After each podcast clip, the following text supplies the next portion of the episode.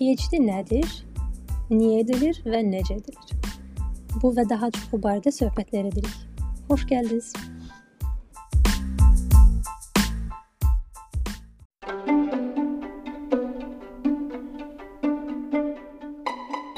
Salam, salam. İlkərlə PhD söhbətləri podkastına xoş gəldiniz. Bu bizim ikinci buraxılışımızdır. Bugünkü söhbətimiz xanımla oldu. Xanım mənim keçmiş kolleqamdır. Hal-hazırda ədəbiyyat üzrə, filologiya üzrə doktorantura eləyir Macarstanda. Bitirmək üzrədir artıq ə, təhsilini. Mənə elə gəlir ki, ə, bu dəfəki mövzu həm Macarstanda oxumaq istəyən, həm filologiya üzrə ə, doktorat eləmək istəyən, həm də ümumiyyətlə bu prosesin çox başında olan insanlara maraqlı bir mövzu olacaq. Müxtəlif mövzular barədə danışdıq. Akademik həyat, PhD hazırlıq, hansı bacarıqlar daha vacibdir PhD-yə başlamadan öncə əldə etmək üçün. Beləliklə əgər sadaladığım mövzular sizə maraqlıdırsa, davam eləyin qulaq asmağa və hamınıza xoş bazar günü arzu edirəm. Xanım, çox sağ ol qəbul elədin ə, dəvətimi. Ə, ilk qonağım sanki üzbəüz əslində biz eləyirik Aha. bu intervyunu. Bu söhbəti daha doğrusu intervyu olmağını istəmirəm. Xanım Viyanadadır, araşdırma research fellow olaraq gəlib Viyana Universitetinə və biz bu gün üzbəüz bu söhbəti aparacağıq. Xanım, bir balaca özün haqqında öz dilindən deyə bilərsənmi? Hansı sahə üzrə PhD edirsən? Bundan əvvəl nə işlə məşğul olmusan? deyim. Deməli, bakalavrım əsasən mənim pedaqogika və lingvistika üzərinə idi, amma mən son ə, ilimdə, bakalavriatın son ilində ədəbiyyata çox marağım artdığı üçün fikirləşdim ki, mən lingvistikanı çox sevmirəm və ədəbiyyata yönəlməliyəm və magistraturanı da elə Dillər Universitetinin ədəbiyyat üzrə 2 illik magistraturasını bitirmişəm. Ondan sonra biraz iş həyatına atıldım. biraz korpora korporativ e, ofisdə işlədikdən sonra e, əlbəttə ki, ədəbiyyat daim artıq insan kitablarla belə e, münasibətdə olmağa başladıkdan sonra Timur bədii ədəbiyyatı üzr istəyirəm. Fərqli dildə sözlər etdiyim üçün. Əsas odur ki, niyyətimiz odur ki, Azərbaycanca olsun söhbətlər, amma ə, belə olacaq arada. Hə, çalışacağam olmasın amma Demək, e, sonra e, və e, əlbəttə o dövrlərdə Əlinino'nun bu mağazalar zincirinin Azərsə ilə birlikdə təşkil etdiyi book club var idi, Əlinino book club. Bunları biz mən daim qoşulurdum, qatılırdım və yəni bədii ədəbiyyat həyatımın bir hissəsi idi demək olar ki. O, o dövrdə də işlədi, işlədiyin vaxt, yəni evdə də kitab oxumaqda vaxt olur. Yəni başqa bir zehni işlə məşğul olmadığın üçün elə e, dincəlmək üçün daha çox mən e, çox sevirdim oxumağı. Və e, bu bütün bunları hamısı üst-üstə gəldikdən sonra mən qərar verdim ki, e, doktoranturaya getməliyəm ədəbiyyat üzrə. Və e, Azərbaycanda bizim e, Nizam Gəncəvi adına muzeyin e, dünya ədəbiyyatı üzrə e, ixtisasları var idi doktoranturaya başvurmaq üçün. Mən də getdim, muzeyin rəhbəri ilə tanış oldum və istəyimi bildirdim ki, mən sizin universitetdə belə bir yer var, mən buraları bitirmişəm və e, universitetinizdə, yəni e, PhD qəbul olmaq istəyirəm. O da mənə qəşə bir sual sadəcə verdi ki, həqiqətən doktorantura istəyirsənmi? Mən də dedim ki, hə, çünki həmin moment həqiqətən istəyirdim. Aha. Neyse qəbul oldum. Sonra informatika imtahanımı verdim. Xarici dil, Alman dili imtahanımı verdim. Ondan sonra e, də yəni bütün formal məsələləri həll etdikdən sonra bu gəldik mənim research mövzuma, tədqiqat mövzuma. Tədqiqat mövzu mən ümumiyyətlə e, e, magistraturada ingilis ədəbiyyatı üzrə ixtisaslaşmışdım. Gəldik e, muzeydə mənim ixtisasım oldu Nizami Gəncəvinin ingilis dilli mənbələrdə yeri. Nizam Gəncəvi mənim üçün mən Nizam Gəncəvi ancaq orta məktəbdən bilirəm, Aha. ədəbiyyat dərsindən bilirəm və Gəncəli olduğundan, yəni Gəncəyə aid nə varsa onun hamısını bilirəm. Məsələn, oxumuşam kitablarını, əsərlərini. Amma Nizami Gəncəvini mən e, tədqiq etmək istəmədim. Yəni ikinci Hə. ilimin artıq sonlarına yaxın qərar verdim ki, Mən e, bir də o müddətdə artıq e, özümü ölkədən xaricdə də çox sınamaq istirdim və çox axtarışdaydım. Və e, qərar verdim ki, magistraturamun, e, magistraturada yazdığım e, iş dissertasiyamın davamını xaricdə eləmək istəyirəm. Yəni orada doktoranturamı yarımçıq qoydum Bakıda və e, Macaristana qəbul aldım. Aha. Və belə də Macaristanda 4 ilimi başa vurdum. Bu il, bu bir neçə ay artıq son aylarımdır, 5-ci ilimin e, sonlarıdır. Dissertasiyamı yazıb bitirmiş durumdayam. Çox şükür. Belə Bu qısaca. Səməlin bütün PhD eləyənlərin başına. Bəs ə, indiki mövzum barədə bir balaca danışarsan. Mən mən bilirəm mənə məncə çox maraqlı ə, Aha. bir mövzudur. Ona görə istəyərdim qonaqlar, Qulaq qonaqlarımız, dinləyicilərimiz də bilsin. Ümumiyyətlə e, doktoranturada belədir ki, ilk il başlayanda heç vaxt ilk il başladığın, yəni təklif etdiyin mövzu ilə son 4-cü Bəli. il dissertasiya yazdığın mövzu arasında fərq Hı. fərq deməzdim.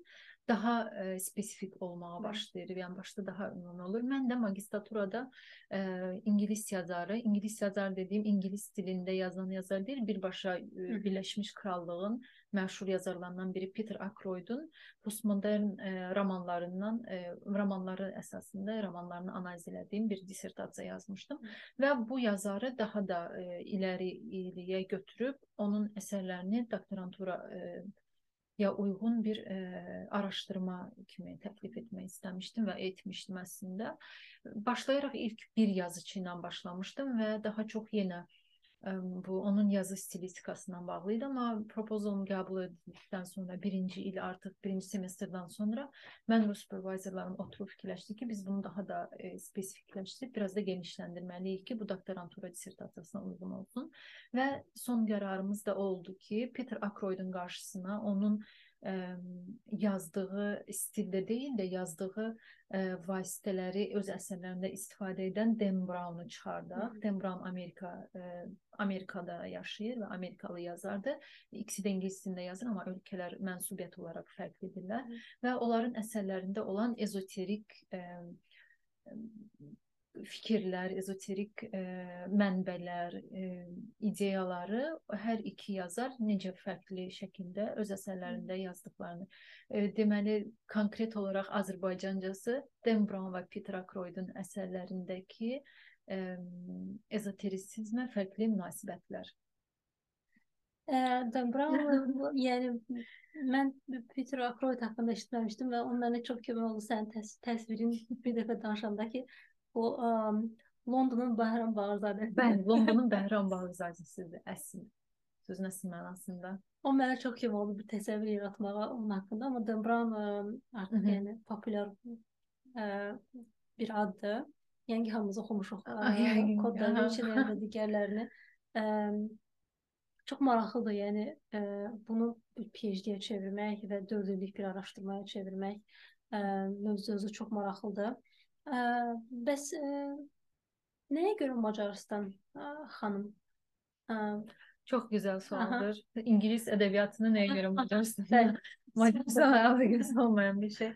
Demək mən dediyim kimi bir müddət artıq ə, IELTS imtahanına girmişdim və qərarımı vermişdim ki, xaricdə mən doktorantura Hı. oxumaq istəyirəm. Bu müddətdə də mənim qarşıma Təhsil Nazirliyinin Stipendium Hungarikum ə, scholarship təqaüdü çıxdı ki, belə elan gördüm əslində. Yəni nazirliyin elanı idi. Nazirlik vasitəsilə başvururduq bu elana. Mən də niyə də yox, yəni istənilən halda yəni xaricdir və ə, təqaüd də var. Mənim üçün əsas iki şərtlərdən biri idi və onu ə, o yüzden Macarıstanı ilk ə, təcrübəm idi və uğurlu oldu. Onu da deyim ki, mən ə, bir, mən 2018-ci ildə qəbul olmuşam və bilirəm ki, məndən sonrakı illərdə m, bu ə, təqaüd şərtlərində bəzi dəyişikliklər olub.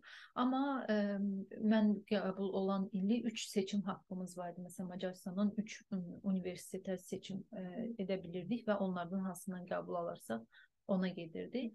Amma mənim sadəcə bir universitet seçimim var idi. Çünki ə, yəni biraz da bu bu prosesdə Azərbaycandan çox fərqlidir və mən məndən əsl biraz qanayan yaramdır Ha. burası.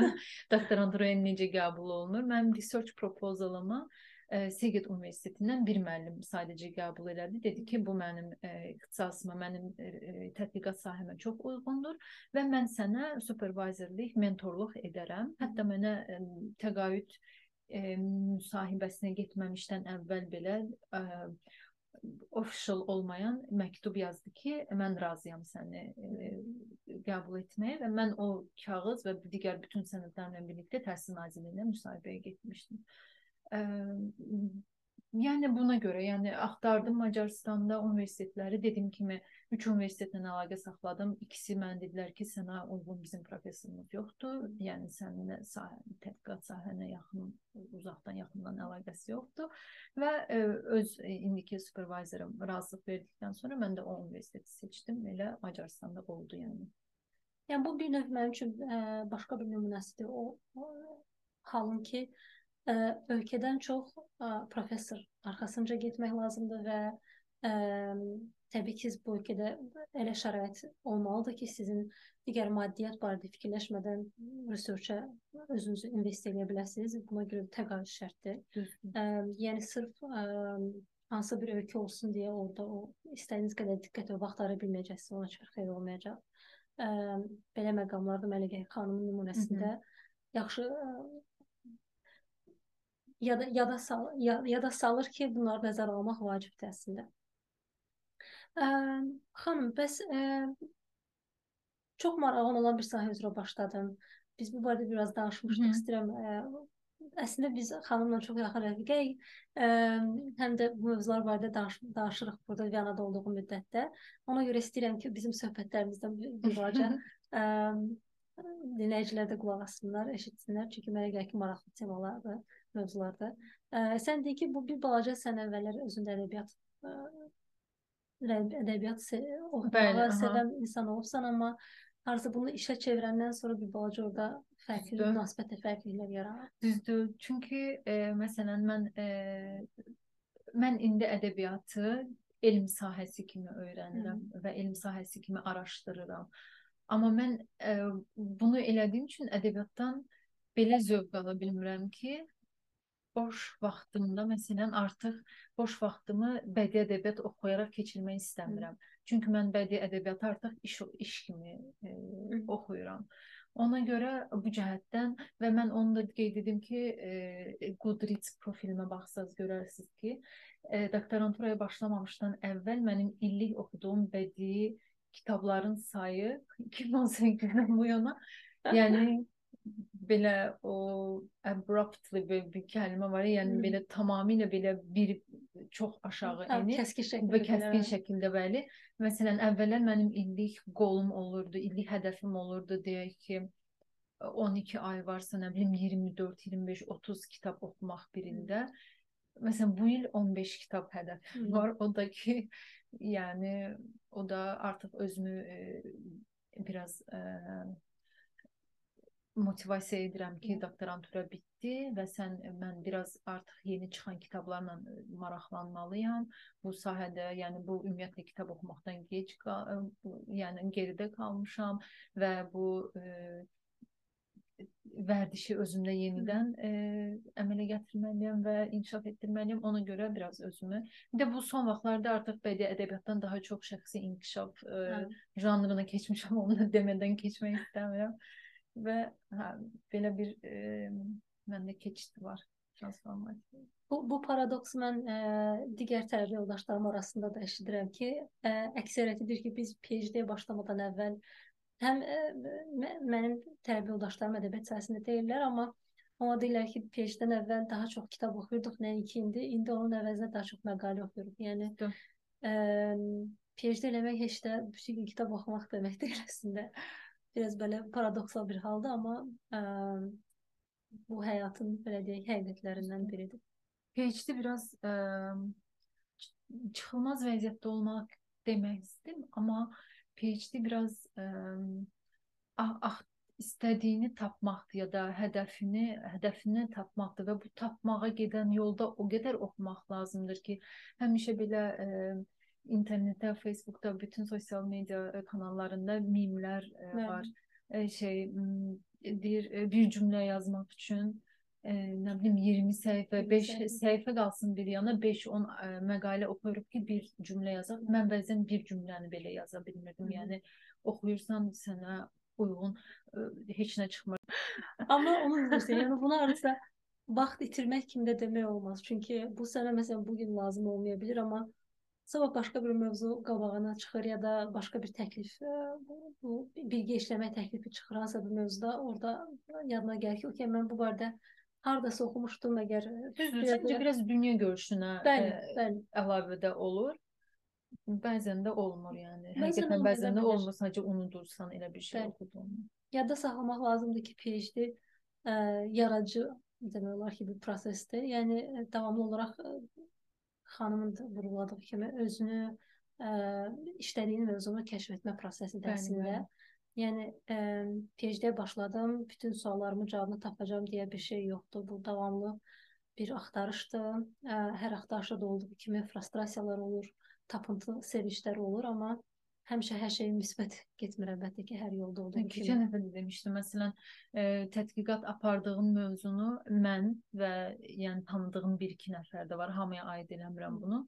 Mövzu haqqında tam e, biri sual verəndə ki, ay qızım, sən Macarıstan nə işlə məşğulsan, nəyi tədqiq edirsən? Onun suallarına cavab verməyi ancaq ikinci ilin sonuna yaxın, ortalarından sonra artıq müstəqil e, bir paraqraf fikir ifadə edə bilirsən ki, mən bunu araşdırıram, yoxsa birinci ili ən azından mənim təcrübəmdə belə idi ki, birinci il mən nə el- elədiyimi hələ bilmirdim. Yəni bilmirsən, yəni PhD belədir, başlayırsan və o qədər içinə girirsən ki, yəni arada yol ayrımına falan gəlirsən Bəli, ki, mən nə eləmək istirdim, harda başlamışdım, hı. hara gedirəm, önümdə nədir, başqa yola getməməliyəm bu e, bu izi izləməliyəm.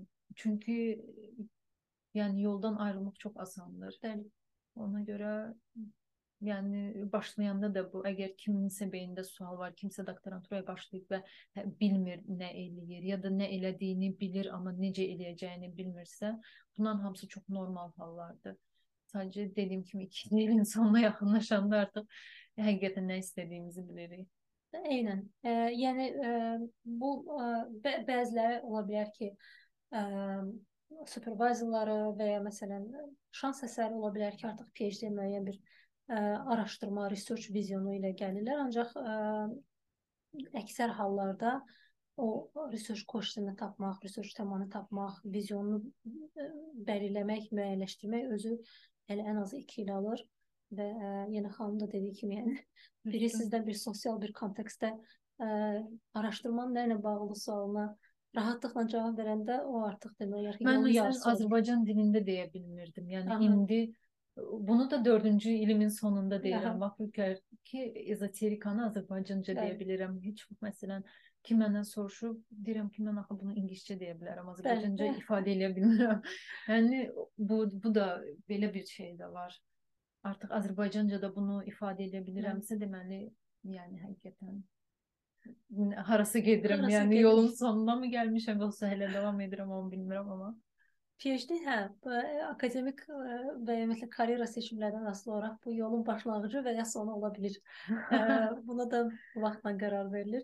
Mən ə, Azərbaycan ilə toxunmuşkən balaca bir sirr də açım. Mən podkastları eləməyimin digər məqsədlərindən biri də Azərbaycan dilini daha çox istifadə etmək istəyimdir. Hiss eləmişdim onu. çünki mən bunu özümdə çox hiss edirəm ki, Azərbaycanca danışanda ə, daha çox dayanıb dururam, da sözləri tapa bilmirəm və məcbur olaraq olur ki, ingilis, rus, türk dillərində sözlərdən istifadə olunur.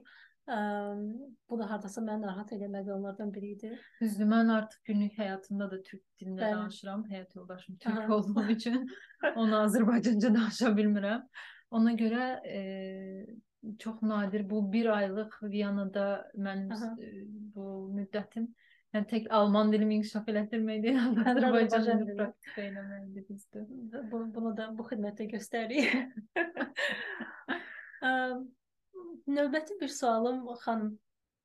Ə, Sənin də PhD yolun də tam tamamilə düz xətt üzərində hərəkət edib, sən də bir mövzuya başlayıbsan, ə, başqa bir mövzuya keçid edibsən. Ə, bu da gözəl bir nümunədir belə hallar üçün ki, Ə, yəni mütləq olaraq başladığımız mövzu həmişə bitirdiyimiz mövzuda eyni olmaya bilər. Ə, məsələn, başlamamışdan əvvəl ümumiyyətlə PhD nəzərdə keçirdiyi müddətdə ə, sənə verilməyi istədiyin bir ə, məsləhət, ə, hansısa bir ə, informasiya var idimi ki, səncə səndə bu informasiya olsaydı sən başqa cür hərəkət edərdin? Mən əslində istəyirdim sənə burdan himcim eləyim ki, hə. mənə bu sualı ver.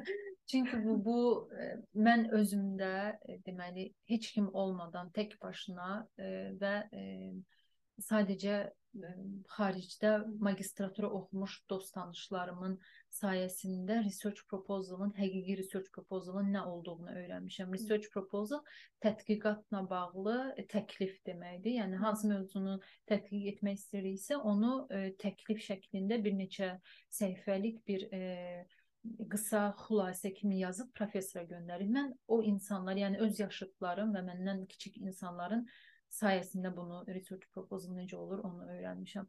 Universitetdə mənə bu öyrədilməyib, kaş öyrəndilərdi. Çünki ən ən əziyyət çəkdiyim e, dönəm olub o mənim e, universitetlərə research proposal göndəririk evet. professorlara ki, baxsınlar, əgər uyğundursa qəbul eləsinlər, sonra biz təqaüdə başvuraq. Məsələn, Almaniyadan bir professorla e, oxudu research proposalını. Mən deyir, burasını dəyiş, burasını dəyiş. Mən də qalmışam belə ki, Axı mən necə dəyişim? Yəni bir, həqiqətən bilmirəm. Yəni mən deyir ki, research proposal belə olmur. Burada nə bilim e, şey bu tə, tə, tədqiqatı nə üçün aparmaq istəyirsən? E, tədqiqat sualları nələrdir? Səncə bu tədqiqat nəyə görə lazımdır? Mən bunları indi deyə bilirəm. Yəni belə tərcümə edib sənə də çatdıra bilirəm. O vaxtlar mən onu qətiyyən başa düşmürdüm. Hı. Ya Yəni özümə özümə şey demək istəmirəm ki, mən o vaxt çox ə, yəni universitetdə öyrədiblər, mən öyrənməmişəm çünki qırmızı diplomla bitirmişəm. Hı -hı. Və mən Yəni bir qətiyyən bilmirəm. Mənə və məsələn bizdə elə akademik yazı bakalavrda bir il olub. Hə, onda öyrənmişik. E, esse necə yazılır, nə bilim, bunlar IELTS-ə mənə kömək olmuşdu. Həm də ingilis dili bakalavr olduğu zaman dildə, dil kimi də kömək olmuşdu. Amma məsələn e, dissertasiya necə yazılmalıdır? Başda sən e, nə üçün bu mövzunu seçirsən, onu deməlisən. Bu mövzunun e, əhəmiyyəti nədən ibarətdir? Onu əsaslandırmalısan. Yəni belə əsaslandırılacaq şeylərin heç birini bunlar daha çox formal xüsusiyyətlərdir də. Yəni burada heç bir e, yaradıcılıq işi yoxdur. Hı. Ya və heç bir tədqiqat orada getmir hələ ki o tədqiqata girişdi, tədqiqatı nə üçün elədiyimizi sübut etməli, aysol ki o insan məni qəbul etsin. Onu mənə öyrədən olmamışdı. Məsələn, Hı. bu mənim ən ən ən ən əziyyət çəkdiyim moment idi, bir an idi ki, mən bir neçə ay yadımdadır. Xırdalanda evimizdə otaqda yazırdım onu, çizib pozurdum. Sonra e, bir də mənim e, o dostlarımın ixtisasları tamamilə fərqli idi. Onlar iqtisadiyyat, sonra e, maliyyə, mühasibatlıq üçün olan research proposallardan mən humanitar elmlər, ədəbiyyat üçün olan Hı. bizim metodlarımız onlar quantitative, qualitative, mən keyfiyyət əsaslı tədqiqat aparıram. Onlar sayısal, daha rəqəmsal. Hı. Yəni tamamilə bir-birinə uyğun deyil, amma yəni o dönəm o mənim çox ə, əziyyət çəkdiyim bir şey. Çox istərdim ki, bunu universitetlərdə ya da nə bilim ə, bakalavrda, bəlkə də başqa universitetlərdə eləyirlər. Dillər Universitetində mənə olmuyor. Bəlkə də başqa fakültələrdə eləyirlər, bizim fakültədə olmuyor. Yəni onları deyə bilmərəm, amma mənim heç e, tanış olmadığım şey o idi ki, research proposal yazmalıyam. Necə yazım? Mənim elə növbəti sualım da ondan ibarət idi ki, Azərbaycanda e, bakalavr, magistr təhsil alıbsan, indi xaricdə PhD edirsən, yəni o ə, e, təhsillər arası ə, gəpi, boşluğu necə doldurdun? İndi sən ə, artıq ona cavab verdin. Ə, yəni research research metodology, Hı -hı. araşdırma metodları, akademik yazı, biraz əvvəl də bu barədə danışırdıq. Akademik yazı ingilis dilində, əgər ingiliscə edirsinizsə, dərəcənizi bunlar bir növ artıq PhD-yə gələndə bir növ sizin bünövrə daşlarınız gəl gəlsəz çox-çox vaxt qənaətinə Bir, belə gətirir. baxanda çox ə, sadə bir şeydir məsələn akademik Elə gəlir insana. Amma o qədər fərqli məsələn bir sinifdə fərqli ölkələrdən gəlirik. Hər ölkədə adi normal burada məsələn məqalə çap elətdiririk. Hər məqalənin özünün stili Bəli. var. E, Chicago'dur, nə bilim, e, MLA-dir, APA. Yəni hər birinin özünün e, istəyi var, özünün e, tələbləri var. Və elə də elə ki, həmin müxtəlif backgroundlardan olan xarici tələbələr hamı gəlir yığılır Avropanın bir universitetində, Hı hamı fərqli universitetlərdən, fərqli ölkələrdən və hamısında da fərqli akademik yazı stilləri var və o insanları bir bir çətir altında toplamaq Hı hı. üçün onlara bir e, yəni vahid vəhdət təşkil edəcək bir yazı stilini anlatmaq lazımdır. Bəli. Məsələn, mən universitetimdə Macaristanda bu e, düzdür artıq 5-ci ilimdir. Hələ də bu söhbət gedirdi 1-ci ildən ki, biz bu e, departamentdə olan tələbələrə bu kursu verməliyik. Amma kursu vermək istəyən müəllimə yox idi, müəllim Hı hı. yox idi məsələn. Çünki çox sadə bir kurs idi. Bəli. Ona görə heç kim özünə o əziyyəti vermək istəmirdi. Bəli. Ə, yəni ə, belə demək olar ki, bu təkcə ə, Azərbaycanın pro problemi deyil. Ə, bəzi universitetlər artıq PhD səviyyəsində research ara metodologiyası, araşdırma metodologiyaları dərsini ə, vermirlər. Daha çox magistr proqramları Hı -hı. bunu ə, əhatə edir, hətta bəzən bakalavr proqramları. Ə, təəssüf ki, hər universitetdə bu imkan Düzdür, yoxdur. Ə, buna görə də Amma çox cür- yaxşı təşəbbüsdür məncə. İlk, ilk təşəbbüsdür. mərhələdən artıq hazır bilirsən nəyi necə, Bəli. harda nə istifadə edəcəksən. Bəli. Bu ə, yəni bizə aydın belə bir problem kimi gələ bilər ki, nəyə görə bu problem adres olunmur. Hı -hı. Amma hətta bizim universitetdə də bu yeni-yeni ə, təklif olunan bir dərsdir.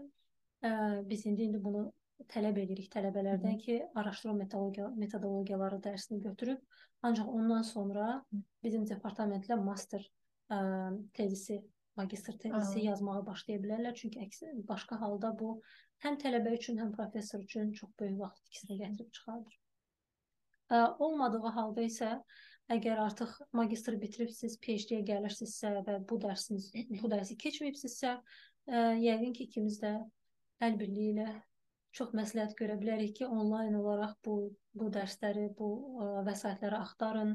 Ə, Udemy kursları ə, və ya digər ə, kitablar, ə, vasitələr, Mən vəsaitlərlə bir e, kitab əməl, normal belə e, nəzəri bir kitab tapıb oradan Flick e, Research Methodologies kitabından səhifə-səhifə, yəni yarım paraqraf yazı üçün səhifə-səhifə.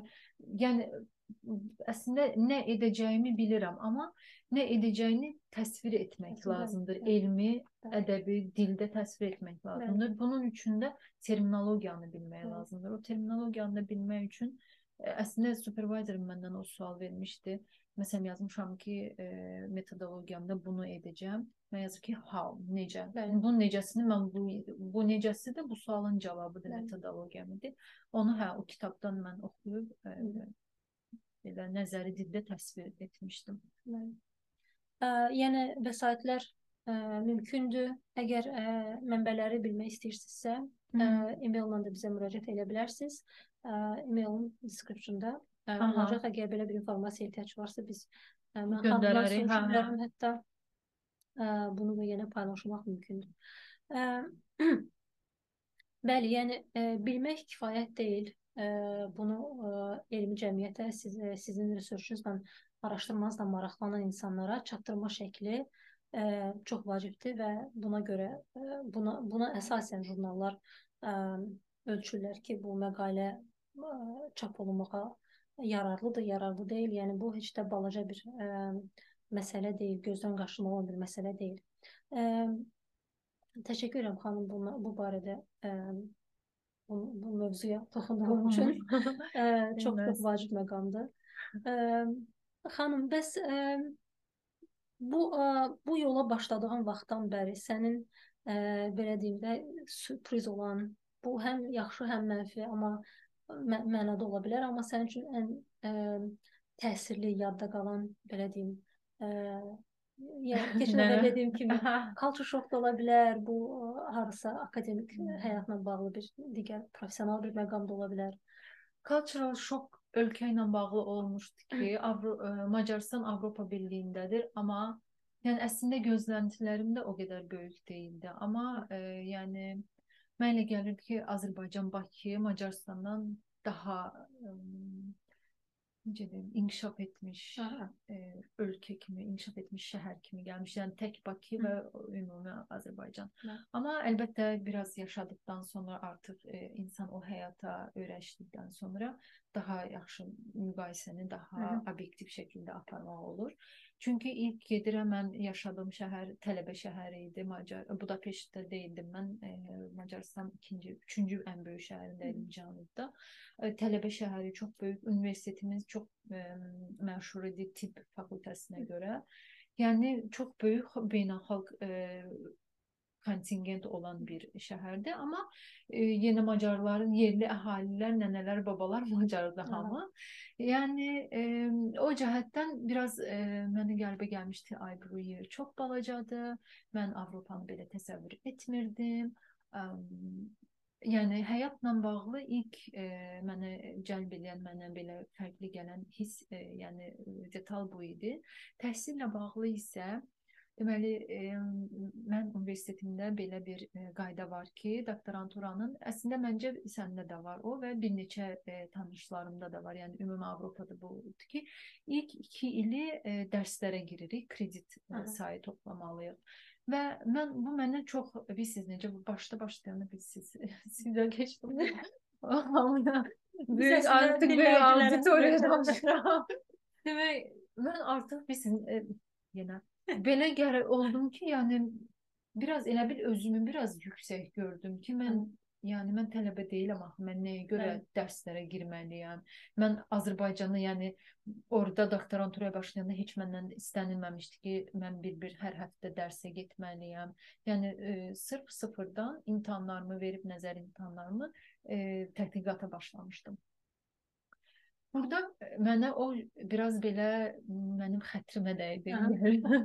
Ki, mən 2 il tələbələrlə eyni o getməliyəm, dərslərdə oturmalıyam və e, əslində e, e, demək 2 il ərzində 10 dərsə girməli idik. E, üzr istəyirəm. Hər il e, 10 dərsdir, hər semestrə 5 dərs və mən onu necə eləmişdim? Birinci semestr 6 dərs, ikinci semestrə 4 dərs eləmişdim. Yəni bir semestr tam dərslərlə yüklənmişdim ki, e, digər semestrdə dərslərim az olsun, biraz özümdən tədqiqatla bağlı bir şeylər eləyə bilim ki, onsuz da eləyə bilməmişdim. Mən əsas əsl tədqiqatım son son 1 ilində demək olar ki, Hı. başlayıb və e, bəli 2 il e, dərslərə giririk, əgər mümkünsə konfranslara gedirik, məqalələr yazırıq, çap elətdiririk və e, əlbəttə ki, bir yandan da dissertasiya ilə bağlı işlər görürük. İkinci ilin sonunda e, kompleks exam dediyimiz 3 nəfərlik komitənin qarşısında imtahanımız olur e, şifahi.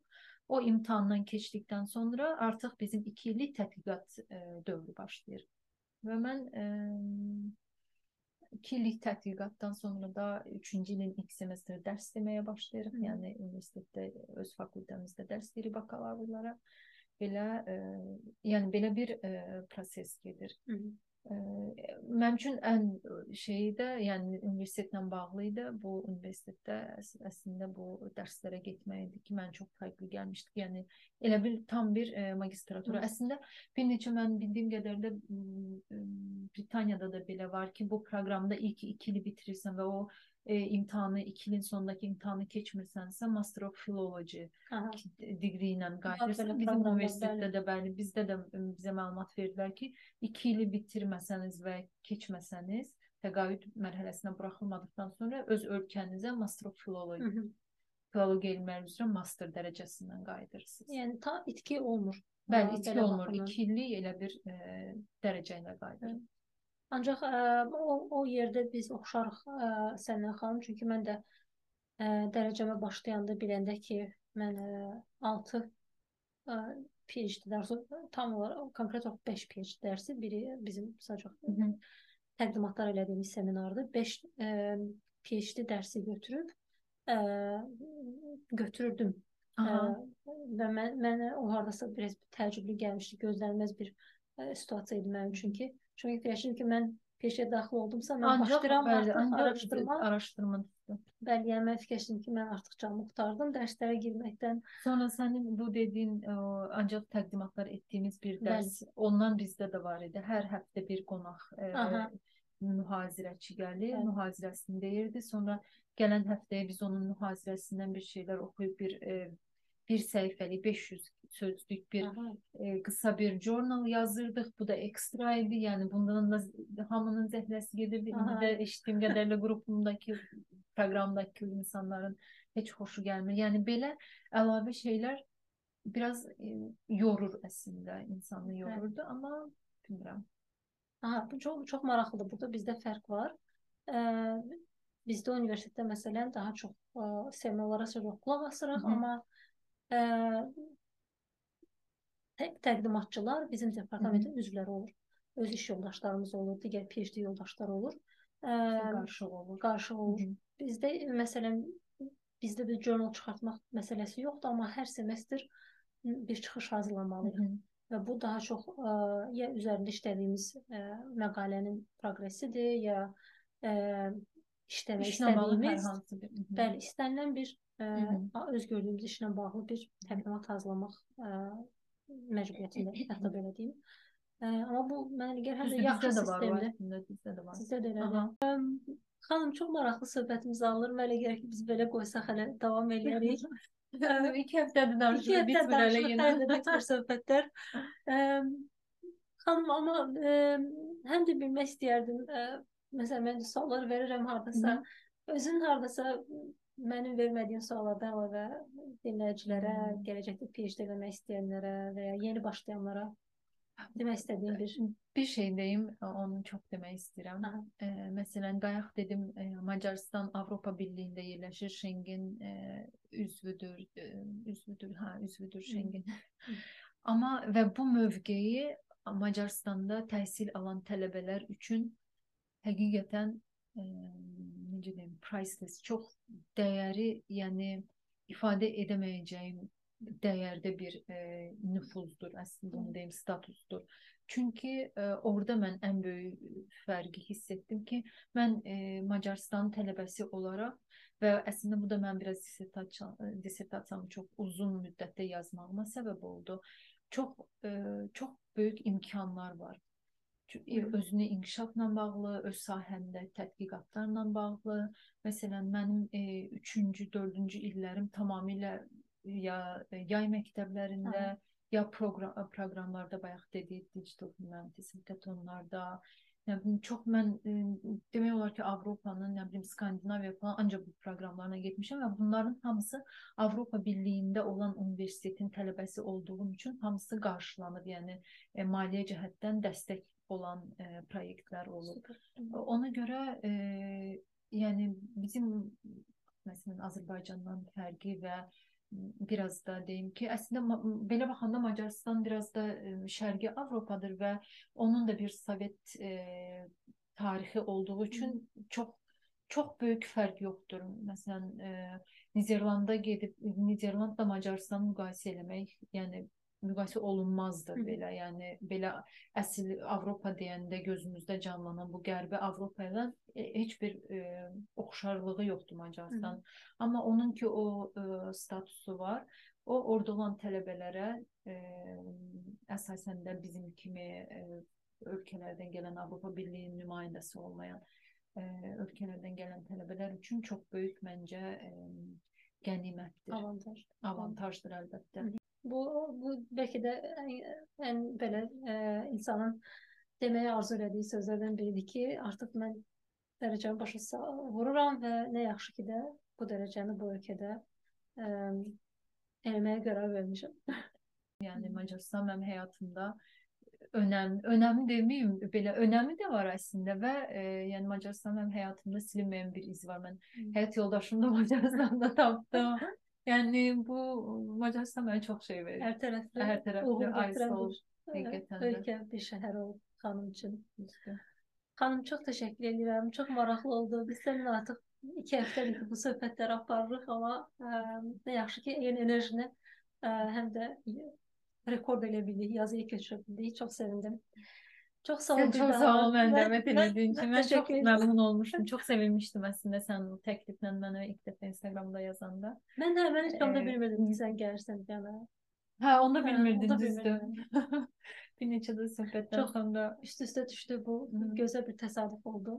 düzdür. Ə, Və minnətdaram. çox tək təqdirə layiqdir ki, sən bunu Azərbaycan dilində edirsən və sən o po- əslində yəni daha geniş kütlələrə yayasında ingiliscə də eləyə bilərdin, amma Azərbaycanca olmaq məncə belə e-mailində də Azərbaycan dilində dedim, bəli, bu qız Azərbaycan auditoriyası üçün öz töhfəsini vermək istəyir. Ümid edirəm ki, İnşallah çəkər. çox uzun ömürlü olar. Mən də bir neçə nəfər e, refer eləmək istəyirəm Təşəkkür ki, alınsa söhbət eləyərsən onlarla da. Bəli, bəli. refer edin. bu biraz networking de işidir. Tamamıyla. insan biraz limited, e, limitlidir e, tanışları. Ha, hamı etrafımızda hiç yani hamı doktorant değil. Aynen. Ve buna da gelen çok az var. Eynən. Ə, cəmiyyətin populyasiyanın ancaq 1% ə, Hatta PhD eləyir. Ona görə ə, statistika. referrallar çox ə, dəyərləndirilir. Gözləyirəm əgər ətrafınızda PhD təcrübəsi barədə danışmaq istəyənləriniz varsa, ə, ya biz bizim haqqında onlara haqqımızda onlara xəbər verin, ə, ya da elə sizsə ə, mənlə əlaqəyə keçin. Ə, mən çox şad olaram sizinlə də söhbət aparmağa. Belə bugünkü söhbətimizin də sonuna çatdıq. Ə, bir daha təşəkkür edirəm xanım və Mən təşəkkür təşəkkür edirəm hamıya. Hem de beni evine konak Həm də bəli, həm də biz kendi qonaq edirik. Çok uzun süren kararlaşmanın Ha. neticesinde karara geldik. Sonunda Bir karar kendi ki- geldik. Baz olarak bura atacağım bu söhbət üçün. Ə, belə ə, isti, ə, rahat bir şəraitdə maraqlı söhbətimiz keçdi. Gələn epizodda görüşənədək hələlik.